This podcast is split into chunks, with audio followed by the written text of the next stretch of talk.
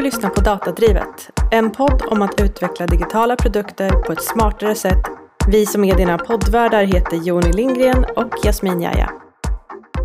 Då kör vi dagens poddavsnitt Datadrivet. Hej Joni! Hej! I måndags så fick vi ju prata med produktteamen och ingenjörerna på Anotel Eh, de var intresserade av att höra hur vi gör när vi sätter igång eh, experimentering i produktutveckling i syfte att skapa tillväxt. Mm. Och vi fick väldigt bra feedback på den och vi lät dem reflektera där i slutet och det var väldigt bra reflektioner så vi tänkte dela med oss av vad vi pratade om där. Ja, till att börja med, för att alla ska vara, hänga med på eh, vad vi pratar om när vi säger experiment genom det här poddavsnittet. Så låt oss börja med att bara säga vad, vad finns det för olika typer av experiment? Mm. Det finns tre sorters olika experiment. Det första är kvalitativa undersökningar och eh, enkäter i princip. Sen kan du ha en, något som kallas för painted door test eller smoke test. Vi ska gå in på det lite senare.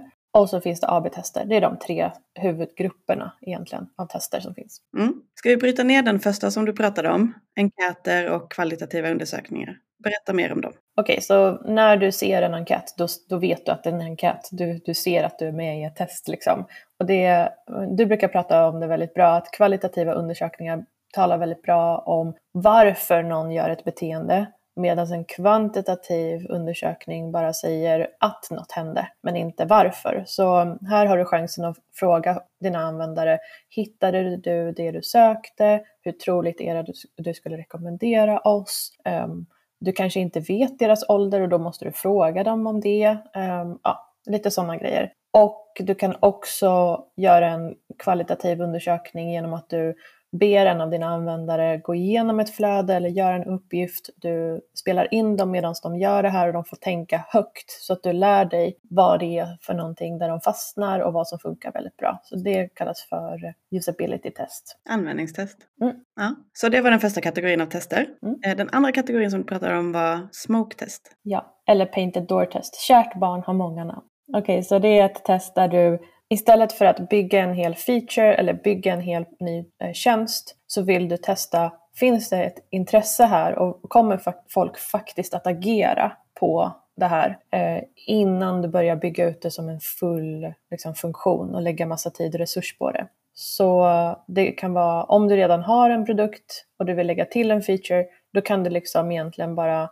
skapa en navigation till den och så mäter du hur många som faktiskt bara klickar dit. Och sen på andra sidan klicket så kanske det står mm, det här finns inte än för dig eller för eh, din marknad eller vad som helst. Och, mm. Man kan också men... vara öppen. Det beror på vad man har för användningsgrupp. En, en väldigt så här, engagerad användningsgrupp som vill vara med och bidra till produktutvecklingen kan man ju också säga så här. Eh, vi funderar på att bygga den här alltså bakom klicket. Vi lägger till en navigation eh, till en påhittad feature för att vi vi tror, så här, vi vill experimentera. Eh, vi tror att en sån här ny feature kommer att vara värdefull för användaren. Men bakom det klicket så har vi inte byggt någonting. Eh, men då kan man ju vara väldigt transparent om man har den sortens användare och säga det här är en funktion som vi funderar på att addera. Vill du lämna feedback kring det här eller vill du signa upp som en betatestare? Så att försöka liksom hitta den bästa användarupplevelsen bakom ett painted door-test eller smoke-test är ju viktigt att man tänker igenom. Verkligen. Och alltså att inte fråga, skulle du vara intresserad av en sån här typ av tjänst? Utan mer typ, okej, okay, om vi bygger den här tjänsten, vill du vara den första som börjar använda den? Signa på här. Alltså det krävs någonting från användaren. Då vet du att de har faktiskt agerat på att göra det här. För många säger ja, ah, det skulle vara trevligt, men skulle de faktiskt agera på det? Ja, det, det vi vill ha ut av ett painted door-test är att mäta Finns det någonting där som är värt för oss att fortsätta investera i? Precis, mm. precis. Och den tredje kategorin, vi har pratat om eh, enkäter, undersökningar, vi har pratat om painted door test och den tredje kategorin av experiment är AB-test, kronjuvelen. AB-test är så himla bra och det finns egentligen tre användningsområden för AB-test. Alltså, eh, bara, vad är AB-test egentligen? Mm. Det, det, det, klassiska är väl att folk tänker ja, men vi jämför, ska vi ha en blå knapp mot en grön knapp? Oh, jag hatar det ex exemplet för att det blir så himla... Banalt. Ja, och det är ju nästan aldrig, alltså jag, det är ju tio år sedan jag gjorde något sånt knapptest. Eh, och vad fick jag ut av det då? Inte mycket. Eh, men här, vi, vi ger olika grupper av användare eh, två olika upplevelser av någonting. Och så mäter vi vilken av de upplevelserna som har störst effekt på vårat, att vi uppnår vårt mål som vi vill uppnå. Och hela grejen är att eh, testet sker samtidigt. Alltså eh, version A visas samtidigt i samma tid eh, som version B visas. Så istället för att jämföra hur sajten funkade i januari jämfört mot februari där det kan vara massa olika typer av grejer som bidrog till att det blev en skillnad. Ja, men det kanske var fler helgdagar i januari, vädret var annorlunda. Mm. Ja, det var något i sociala medier som bara gick jätteviralt så vi fick jättemycket mer trafik en vecka eller ja, massa olika saker. Så eh, det enda som skiljer dem åt är vilken grupp du hamnade i, men det är ungefär samma tid. Eh, så därför blir AB-test väldigt, väldigt bra eh, resultat på. Du vet att den här förändringen som vi gjorde, det var, det var det som gav vår effekt. Men det finns tre olika användningsområden där AB-tester är väldigt bra att använda och de är Ren optimering. Vi har en upplevelse och så vill vi tweaka på den upplevelsen. Byta ut en copy, byta ut en bild, byta någonting bara för att se om vi kan förbättra det som redan finns. Mm. Den andra användningsområdet är när vi eh, skeppar en ny release, alltså ett, ett paket av många saker som vi har ändrat på. Och så vill vi se att den releasen inte påverkar våra nyckeltal negativt. Mm. Eh, och den tredje, eh, det är när, man, när vi vill lära oss saker. Så vi optimerar för att så, vi vill testa saker som vi inte redan har och som vi inte redan har byggt ut fullt ut, utan vi vill se om våra idéer eh, om hur vi gör vår produkt bättre stämmer. Och här är ju AB-tester verkligen bäst. Det är ja. här de kommer till sin rätta. Och får man, får man rull på den här eh, att eh, testa hypoteser och att optimera för, för hur mycket vi kan lära oss, då har man en klar konkurrensfördel. Men bara baserat på att nu, vi har berättat om olika sorters experiment, vi har berättat om olika användningsområden för experiment. Bara här kan det vara lätt att eh, tappa bort sig när man ska starta upp sin, sin eh, experimentverksamhet. Eh, och vad vi ser ofta hos produktorganisationer, det är att man går på den här andra kategorin av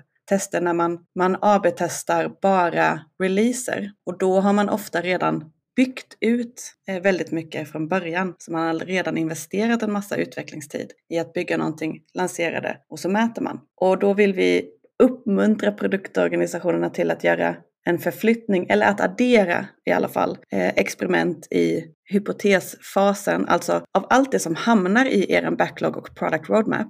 Vad borde, vad ska verkligen finnas där? Är det rätt saker som ligger där? Det är det vi vill komma åt.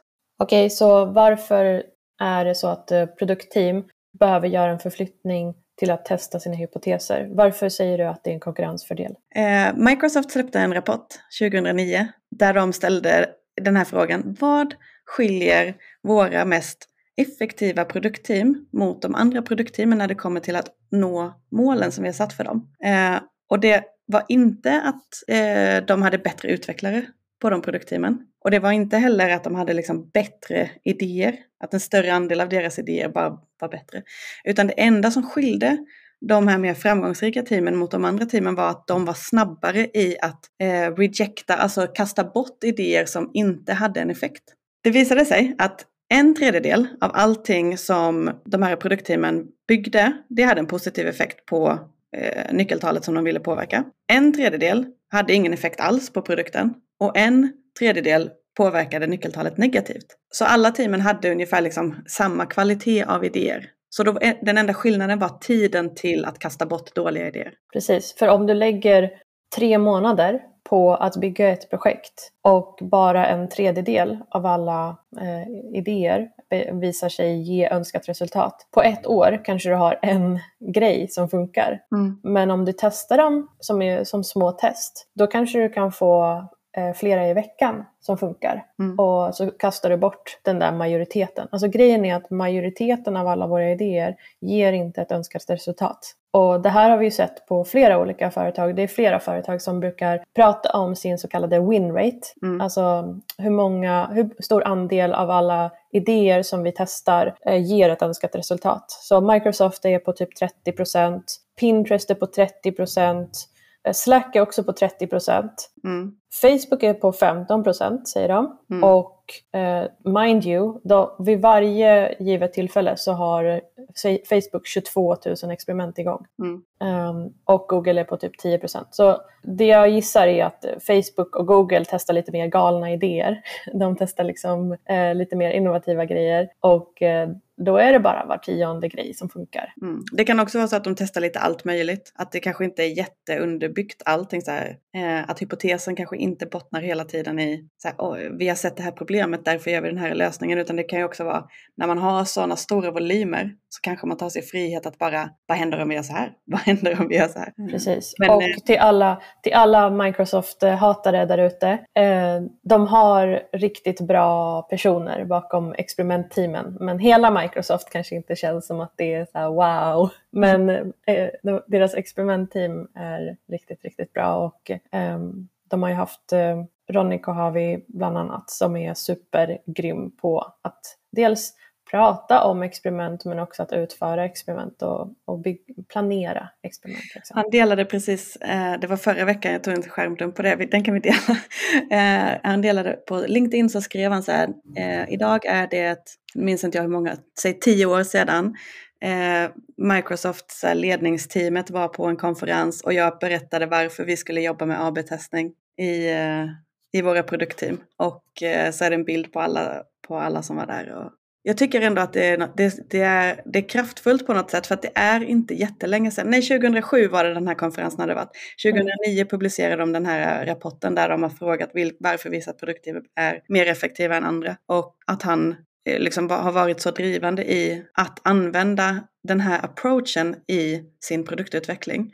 För att, för att det, det, är det här som är så otroligt viktigt, men som en framgångsfaktor, men som många missar ju. Det är att de organisationerna som lyckas med experiment i process, de har kommit överens om ett mindset om att vi vet inte, men, men vi gör det till en del av våran core operations att ta reda på. Så core operation är inte bara att bygga och lansera, det är också att validera. Precis, för om agilt sätt att jobba handlar väldigt mycket om att bygga så snabbt som möjligt så handlar det här sättet att tänka på hur kan vi bygga rätt sak så snabbt som möjligt? Eller hur kan vi ta reda på vad som är rätt sak att bygga så snabbt som möjligt? Så För... att vi kan kasta bort det som inte är värt och fortsätta investera i det som är värt. Precis. Och det som det ger oss då, det är vi lär oss snabbare, vilket gör att vi minimerar risk i att fatta fel beslut om vad vi ska fortsätta investera i. Eh, vi minimerar Eh, waste, alltså tid eh, som vi då faktiskt skulle lägga på att utveckla saker som inte har en effekt. Vilket gör att vi borde kunna påverka våran affärs, alltså hur mycket pengar som vi sen får in, se på kontot, våran tillväxt påverkas positivt. Och för produktfolk i slutändan faktiskt bygger bättre produkter för användaren. Precis, alltså just den här eh, bottom, bottom line som du pratade om, att vi har en effekt på våran affär. Det tog ju Optimizely fram en rapport kring. De hade frågat eh, massa olika företag. Eh, när ni experimenterar, eh, ni som experimenterar, har det en effekt på eran ja, bottom line egentligen, alltså på er affär? Och 88 procent av alla företag som hade blivit tillfrågade sa ja och över 40 procent sa att den hade ökat med över 10 procent. Mm. Så det är också en anledning till att experimentera. Det är liksom inte bara, um, jag vet att en del tänker det som att så här, men vadå, man tar det inte på, på allvar, man leker bara runt, man testar. Alltså ordet experiment och test låter lite som att man bara gör det lite på låtsas. Mm. Men eh, jag tror att man kanske kan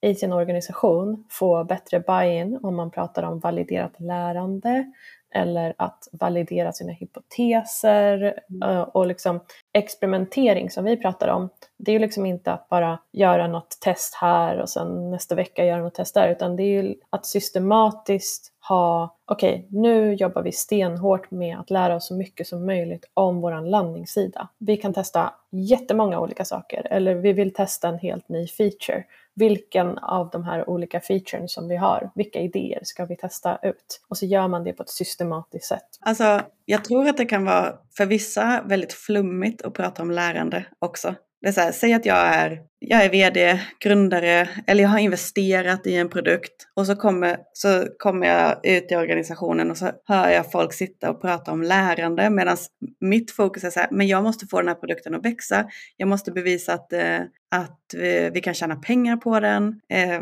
alltså jag har en kvartalsrapport att bry mig om. Ja, men alltså det, det kan ju finnas en så här, och Ja, jag hör vad du säger. Test och experiment, det kanske får det, det är kanske inte så bra.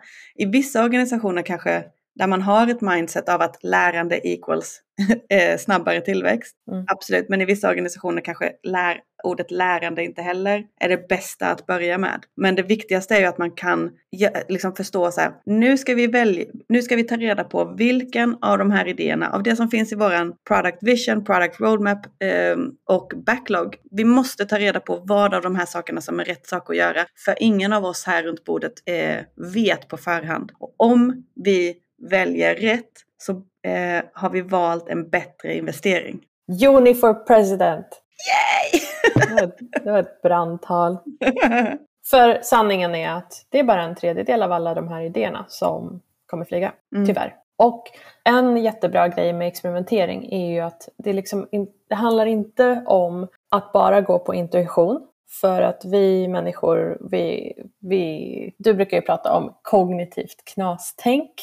På engelska heter det human biases. Eh, att vi liksom, det missleder oss ganska mycket med att vi, vi tror väldigt starkt på våra egna idéer. Vi överestimerar hur mycket effekt den här idén kommer att ge. Vi tror också att eh, alltså vi glömmer lite grann hur det var. Så vi, vi, vi minns tillbaka och tänker att ja, men en idé som vi körde med för länge sedan, den gav ju jättebra resultat och så liksom blåser vi upp hela effekten av det. Eller eller om jag har sagt så här, den här grejen, den kommer att funka. Nu gör vi det här. Och sen så efter fyra månader så kanske man ser, här, om någon överhuvudtaget skulle gå tillbaka och ifrågasätta det, men det där grejen som vi investerade i för fyra månader sedan, vad gav den egentligen?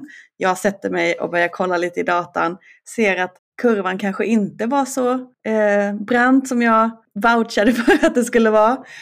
Då tenderar jag liksom och det här kognitiva knastänket, det sker ju omedvetet. Det är ju inte någonting som man liksom sitter och kuckelurar ihop. För att, men hur som helst, så då kommer jag liksom så här, tenderar jag att leta efter orsaker till varför min idé inte flög, eh, som liksom var utom min kontroll. Precis, idén var jättebra men vi testade det på fel sätt. Vi gav den inte rätt förutsättningar. Ja, exakt. Ja, sådana ja. saker. Och alltså, vi gör det allihopa, det är inte något som andra säger utan alla vi gör det. För vi vi tror väldigt starkt på våra egna idéer. Men att bara gå på data är inte heller rätt.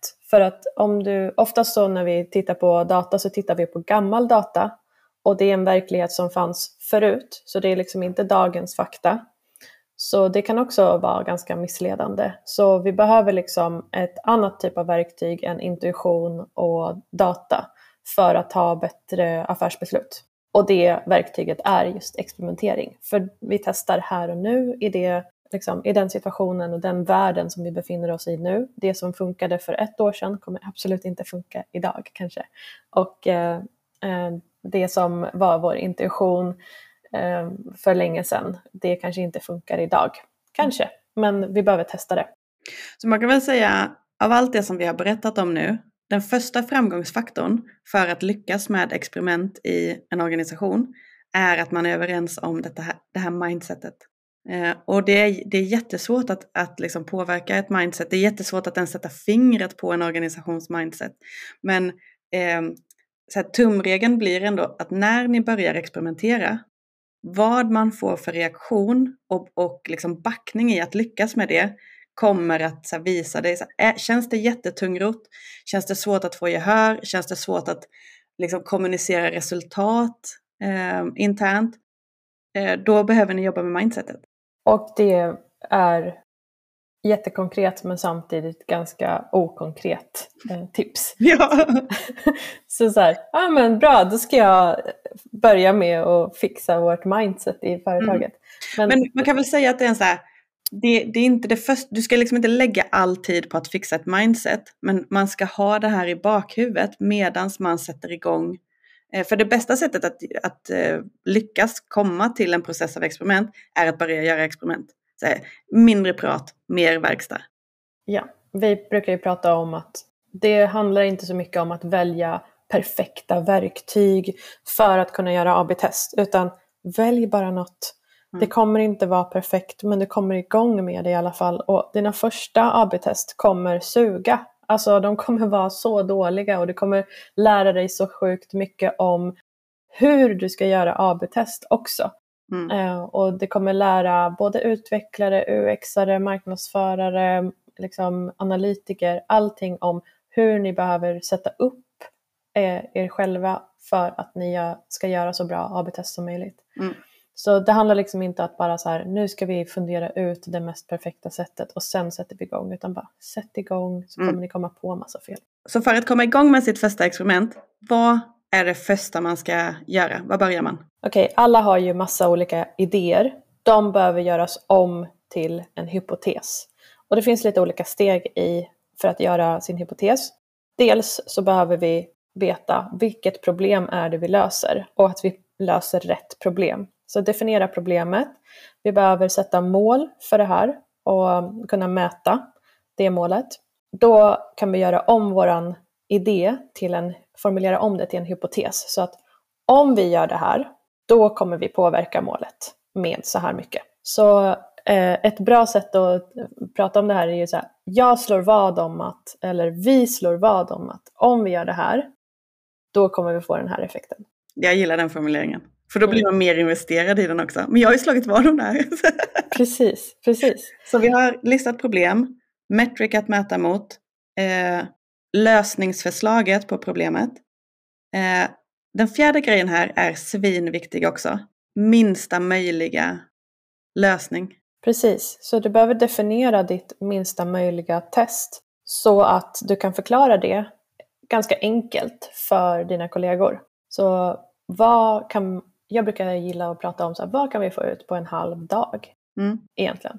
Eller vad kan vi få ut på en dag? Gör det inte till flera veckors projekt. Mm. För om du måste liksom lägga mer än en sprint på det, då kanske det, det kanske kan eh, brytas ner till ett mindre typ av test. För att bara se, är det något värde i det här? Finns det någon potential i det här? Mm. Så det är då man kan använda sig av de här uh, painted door test till exempel som vi pratade om innan. Mm. Uh, så definiera minsta möjliga testet och vad kan vi göra på typ en halv dag i princip. Mm. Ja, bra. Då har du liksom det här är jätteviktigt för det här förarbetet gör att det blir jättelätt och sen att analysera i slutet, eller hur? Mm. För att du vet exakt vad, vad du ska mäta, du vet vilken effekt du letar efter och i och med att det var en fråga så här, jag slår vad om att om vi gör det här så kommer vi att få den här effekten. Så kan du svara väldigt lätt, sant eller falskt. Mm. Så att du behöver liksom inte lägga jättemycket tid på analysen efter att testet är byggt. Nej. Och du vet egentligen vad, vad, nu, när, nu när du har den här idén, vad är det du ska börja göra? Mm. För det, det jag har märkt i team där man, liksom, man vill komma igång med experiment eh, men man gör inte förarbetet. Det är att så här, alltså, tekniskt sett det är ganska enkelt att, att göra ett AB-test. Det kan, det kan man lösa, så man kanske slänger ur sig ett test. Man har inte tänkt igenom vilket metric det är man mäter mot eller varför eller vad det är man egentligen, den underliggande liksom, hypotesen till varför vi gör det. Och så kommer resultatet och då sitter man där runt bordet och är så här, jaha, var det här bra eller? så exakt det du sa. Exakt. Ja. Och sen eh, när du har en lista med alla dina hypoteser så behöver du samla teamet och prioritera. Och det har vi ett avsnitt kring. Det heter process, ta fram idéer och prioritera dem. Så det är bara att lyssna på det eh, Mm. avsnittet. Men du behöver välja några olika parametrar som du tycker är viktiga att prioritera efter. Och vi brukar gilla att prata om hur eh, mycket resurser tar det, hur enkelt det är att göra det här. Eh, Är det jätteenkelt, då får den en hög poäng. Och hur mycket kan vi lära oss på det här? Om det är ett område som vi inte har utforskat innan så det, finns det jättemycket värde för organisationen att lära sig mer om det här, för då blir vi mer konkurrenskraftiga. Mm. Och eh, vilken effekt tror vi att det här kommer kunna ge? Hur mycket? Jag tycker att det är jätte... Så här, vi måste också prata om det här. För produktteam så handlar det inte om att göra en ny lista med nya idéer. Utan man måste... Det finns ju redan en lista. Ni har Precis. en backlog. Börja i backloggen. Och där ni har user stories eller items eller liksom vilket format som man nu använder sig av. Kolla igenom den listan. Och, och så här, vilka av de här grejerna som står här borde kanske egentligen göras om till en hypotes för att validera, så här, är det sant eller falskt? Så här, anledningen till att vi la de grejerna i den här listan, det var det här problemet och därför har vi den här lösningen. Och vi kan mäta om det är sant eller falskt. Ja, skriv om de user stories eller items då till, eh, till en testbar hypotes och, och definiera vad är det minsta möjliga vi kan bygga här och vilken sorts experiment kan vi testa det med? Där, det är liksom en så otroligt kraftfull början för produktteam som vill börja med experiment. Mm. En anledning till att göra det så himla litet som möjligt är också att ja, men om det inte funkar, då är det ingen som blir ledsen av att man måste slänga massa grejer man har byggt. Mm. Utan eh, man har liksom inte så stor investering i det eh, själsmässigt. Eh, alltså så här, Mm. ja, men vi har ju lagt tre veckor eller tre månader på att bygga det här. Och nu måste jag slänga bort all den här koden eller vad det nu kan vara. Det är faktiskt också ett, ett, ett kognitivt knastänk. Mm. Att vi liksom, saker som vi bygger själva, vi tenderar att gilla dem mer. Alltså det är en sån här bakgrundsfaktor till IKEA. Så här, men jag bygger mina saker själv. Eller vi tenderar att värdera saker som vi har. Så här, har jag byggt ett hus själv och jag har bott där länge så tror jag att det är värt mer pengar än vad det är för någon som inte investerade. Det är samma sak när vi lägger två månader på att skriva kod eh, till en ny feature. Precis. Då är vi så Precis. investerade i den. Precis, men om alla är med på att men vi testar bara det här, det kommer se slarvigt ut i koden och det, allting funkar inte. Vi har liksom inte checkat alla boxar, men det är ju bara ett test. Mm. Och när det inte funkar så bara slänger vi det där. Och om det funkar, ja men då lägger vi lite mer tid på det och gör det robust och ser till att det funkar Mm. eh, riktigt bra. Mm. Så då, då tjänar man extra resurser på det där också. Ja, Eh, Kalle, Kalle som är eh, utvecklare på Skilla Studio där vi jobbar. Eh, han brukar ju prata om att så här, som utvecklare så har vi lärt oss från början att det ska vara säkert. Vi ska liksom få in alla use cases. Vi ska bygga för alla devices. Eh, koden ska vara skalbar. Ja, det är många saker som han pratar om eh, då. Och det här sättet att jobba, då vill man gå ifrån det och det kan vara det behöver man jobba på att eh, öva på då. Mm. Att släppa det som man har lärt sig och börja bygga. Eh, I experimentet så kanske man inte bygger in alla, alla säkerhetsfaktorer. I experimentet så testar vi bara mot de mest använda liksom, devicerna eller skärmstorlekarna. Eh, I experiment, vad är det mer jag brukar säga? I experimentet så Alltså några små buggar är okej. Eh, och att bygga litet men lä- lära sig snabbare ska hela tiden premieras. mm, Och eh, att inte lägga någon vikt alls eller tid alls på någonting som inte kommer ge önskat resultat. Så att man hela tiden tänker på vad är effekten vi vill nå med det här. Just det, en sak som man också pratar om som en framgångsfaktor för utvecklare i, som bygger experiment eh, och i produktteamen, det är ju att här, man måste tänka minimum Eh, viable test genom hela bygget av experimentet. För att man kommer till vägskäl hela tiden eh, av use cases där man måste ta beslut. Eh, medans man bygger. Så här, men det här då? Eller det här då? Ska vi bygga så här eller så här? Och att man då ska tänka, vad är det, måste, så här, vad är det minsta möjliga vi ska få ur oss just nu? Och att våga prioritera bort, prioritera bort, prioritera bort. Precis. Det är också, alltså hela den, det tankesättet är också någonting som man behöver träna på. Ja. Det är ingenting som kommer naturligt. Alright, så nu har vi alltså, vi har definierat vårt problem, vi, har, vi vet hur vi ska mäta det, därför har vi kunnat definiera en hypotes, vi har kunnat definiera ett minsta eh, lanserbart test, vi har prioriterat efter olika parametrar, nu är det bara att sätta igång, lansera det, vi vet hur vi ska analysera det och vi vill liksom göra den här loopen av build, measure, learn mm. så snabbt som möjligt. Alltså så många sådana loopar så snabbt som möjligt. Okej, okay. så um, vad är våra liksom, tips till någon som vill komma igång med uh, och experimentera i sin organisation? Um, ja, men låt säga att man är, man är kanske en utvecklare eller en product manager Eh, på ett produktteam. Man kanske är en UX-person som har liksom landat i att jag skulle vilja jobba på det här sättet. Eh, försök få till det första experimentet. Alltså det behöver inte vara perfekt. Du behöver inte ha perfekta liksom, processer, perfekta mallar, utan hitta vad är hypotesen som du vill testa? Vad är det minsta möjliga som ni kan testa för att få ut det? Och se till att det finns en koppling till, allt, till er backlog. Så liksom, gör inte någonting som är frikopplat från det, utan hitta någonting i er backlog som borde vara ett experiment.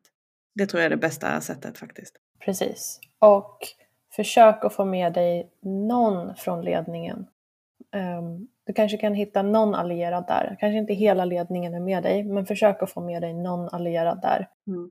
Någon som tänker lika galet som du själv. Mm. Um, det vore jättebra. Uh, och hittar du ingen allierad i ledningen och du försöker ändå liksom få igenom experiment men du får inget buy-in, vad säger vi då? då? Byt jobb. Nej. ja, nej men alltså frankly, ja, byt jobb. Om du, om du är övertygad om att du behöver jobba med experiment men din ledning inte är det, då det här är liksom inte en gräsrotsrörelse brukar vi ju säga. Mm. Utan det här måste dels komma från produktteamen, eh, att vilja jobba så här, men det måste också vara, eh, ges möjlighet från ledning att eh, få lägga tid på det här.